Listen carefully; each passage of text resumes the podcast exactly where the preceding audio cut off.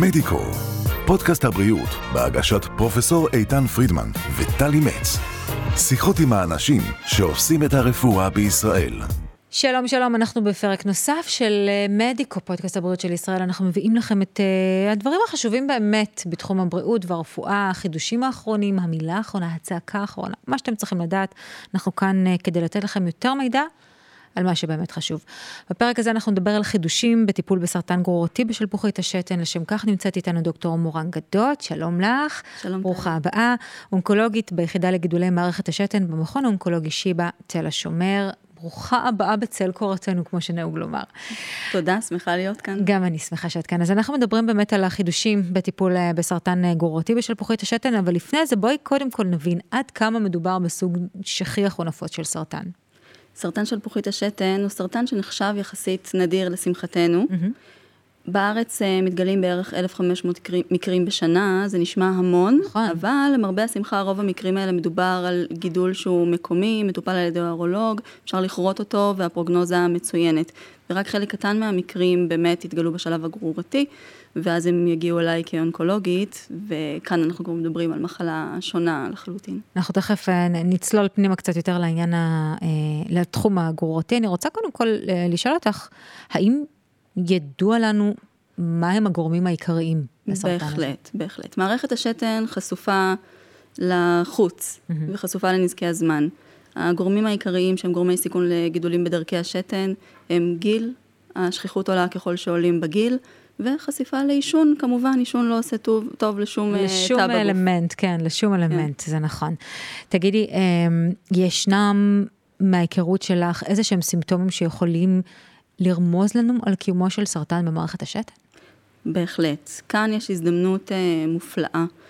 גידולים במערכת השתן, יש להם נטייה לדמם, ולכן אם מטופל, איש, פתאום חווה אירוע של דימום בשתן, גם אם הוא חד פעמי, mm-hmm. ובטח אם הוא מתמשך, במיוחד במקרים שהוא לא מלווה, הדימום הזה בכאבים, זה מבחינתנו נורה אדומה, וסימן לפנות לרופא ולהתחיל איזשהו בירור. כוכבית קטנה, לא כל מקרה של דימום בשתן הוא בהכרח מעיד על סרטן בשלפוחית השתן, זה, זה ככה, בוודאי שלא, יש הבחנה לא... מבדלת, ברור. גם אבנים בדרכי השתן יכולות uh, לגרום לדימום וגם זיהומים. אבל לא היינו רוצים לפספס מאורע חמור כמו גידול. ברור. ולכן זה תמרור אזהרה ומיד לפנות לבדיקה. אמ, אני רוצה לשאול אותך, בגלל שזה התחום שבו את מתעסקת באמת, ואלו המקרים שמגיעים אה, אלייך הכי הרבה, באמת, מה קורה עם חולים אה, שמגיעים עם סרטן גרורתי? מה עושה, איך, איך זה עובד בעצם? ו, וגם באיזה שלב אפשר באמת לזהות שאכן מדובר בזה?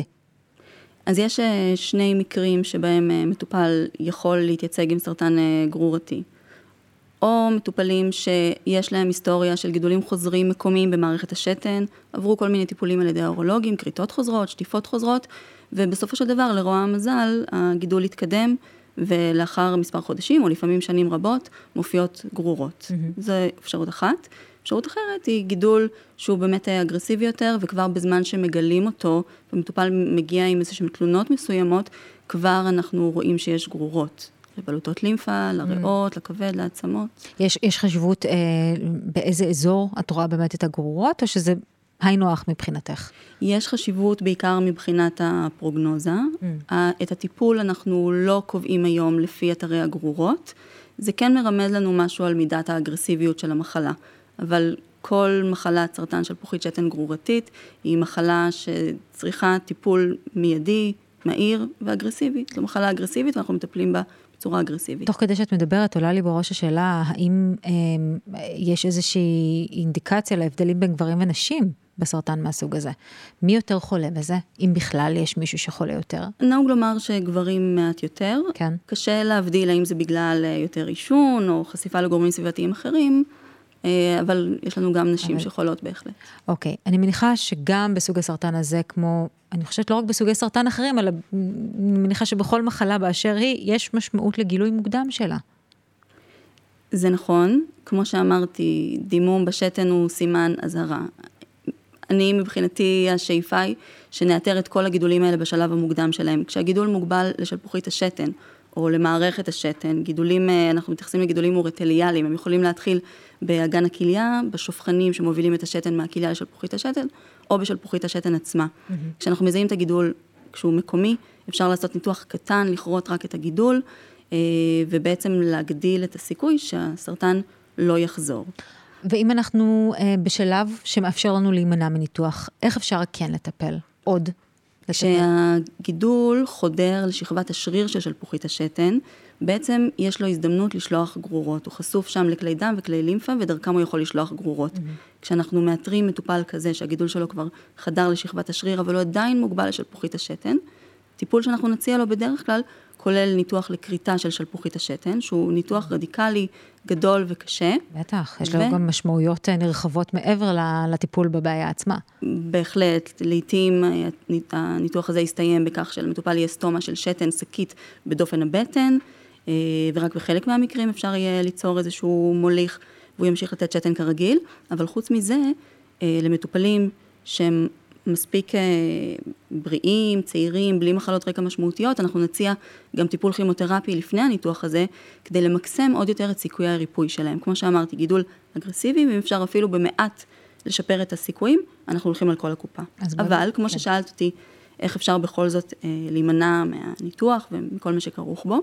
יש מטופלים שמפאת הגיל שלהם, או הרצון שלהם לא לוותר על שלפוחית השתן שלהם, אנחנו נוכל להציע להם טיפול משמר של פוחית. הטיפול הזה יהיה כרוך בהקרנות, mm-hmm. משולבות בדרך כלל עם כימותרפיה. גם כאן אנחנו יכולים להציע טיפול כימותרפי לפני, אולי טיפול אימונותרפי, טיפולים במסגרת מחקר, הכל כדי למקסם את סיכויי הריפוי.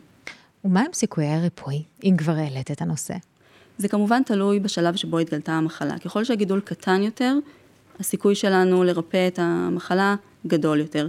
כשהגידול כבר אה, מפושט, פולש לאיברים סמוכים, כבר שלח גרורות לבלוטות הלימפה באגן, הסיכויים שלנו הולכים ויורדים. יש לנו מין כלל אצבע, שאם נעשה רק ניתוח ונכרות את השלפוחית, 50-50. 50 אחוז מהמקרים תהיה חזרה גרורתית של הגידול. שלא לדבר על המחיר הנלווה לזה שהוא קשה.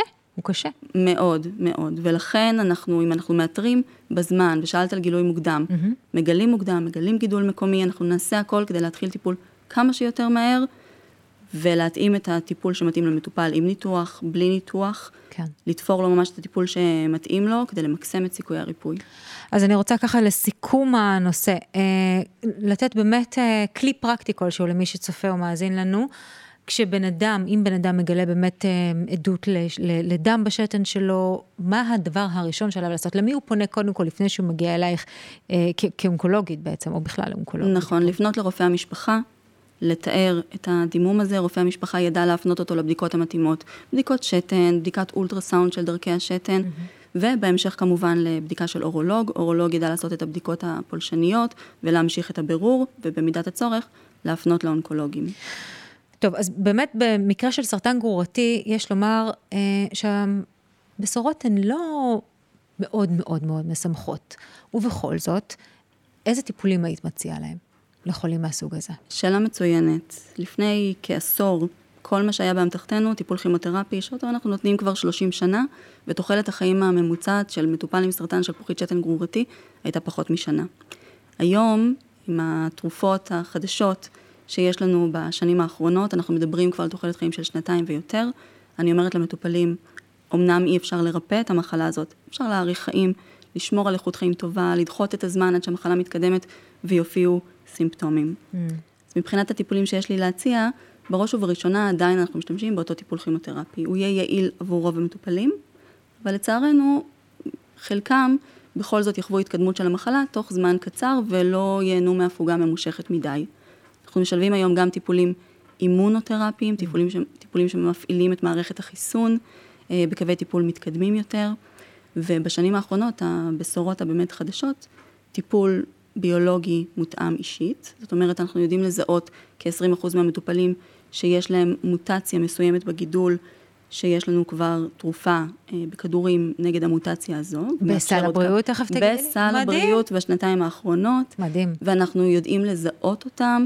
החל מ-2022 בסל הבריאות גם בדיקה של כל המוטציות וואו. למטופלים שלנו, מטופל עם סרטן גרורתי, לכולם אנחנו נשלח פאנל מקיף ונדע אם יש את המוטציה הזאת, כדי לתכנן את הטיפול בזמן הנכון ברצף הטיפולי. והבשורה המעניינת של הממש שנתיים האחרונות, טיפולים אה, של אה, תרופות כימותרפיות מצומדות לנוגדן. מה זה אומר? קבוצה חדשה של תרופות שקיימות במספר סוגים של מחלות סרטן. בעצם הכימותרפיה, אנחנו מצליחים לתת אותה במינון גבוה, מאחר והיא קשורה לאיזשהו נוגדן, שיודע להוביל אותה באופן ספציפי לתאי הגידול, ולהכניס את הכימותרפיה רק לתאים האלה, או בעיקר לתאים האלה. ובכך אנחנו יכולים לתת מינונים גבוהים של כימותרפיה, ולהפחית את תופעות הלוואי לשאר האיברים הבריאים בגוף. וגם יש סיכוי שזה הרבה יותר יעיל, כי היא לא מתעסקת במסביב, אלא בדבר עצמו. נכון, הטיפולים האלה יעילים, מאפשרים עוד אופציה טיפולית שלא הייתה עד עכשיו. אה, טיפולים מאריכי חיים, ואנחנו בהחלט צוברים ניסיון איתם לטובת המטופלים שלנו. הנה, גם זו בשורה. בשורה. ש, שראוי לה, להגיד אותה, וטוב שאת כאן כדי לבשר אותה. דוקטור מורן גדות, תודה רבה שבאת אלינו, ותודה רבה שבישרת את הבשורה למי שזקוק לה. בשמחה רבה. תודה רבה לך. אנחנו כמובן אה, ניפגש בפרק הבא של פודקאסט הבריאות שלנו, מדיקו, נביא לכם אה, עוד כמה בשורות, בתקווה שיהיו טובות. מדיקו פודקאסט הבריאות של ישראל, בהגשת פרופסור איתן פרידמן וטלי מצ. עקבו אחרינו בספוטיפיי, אפל פודקאסט, גוגל ויוטיוב.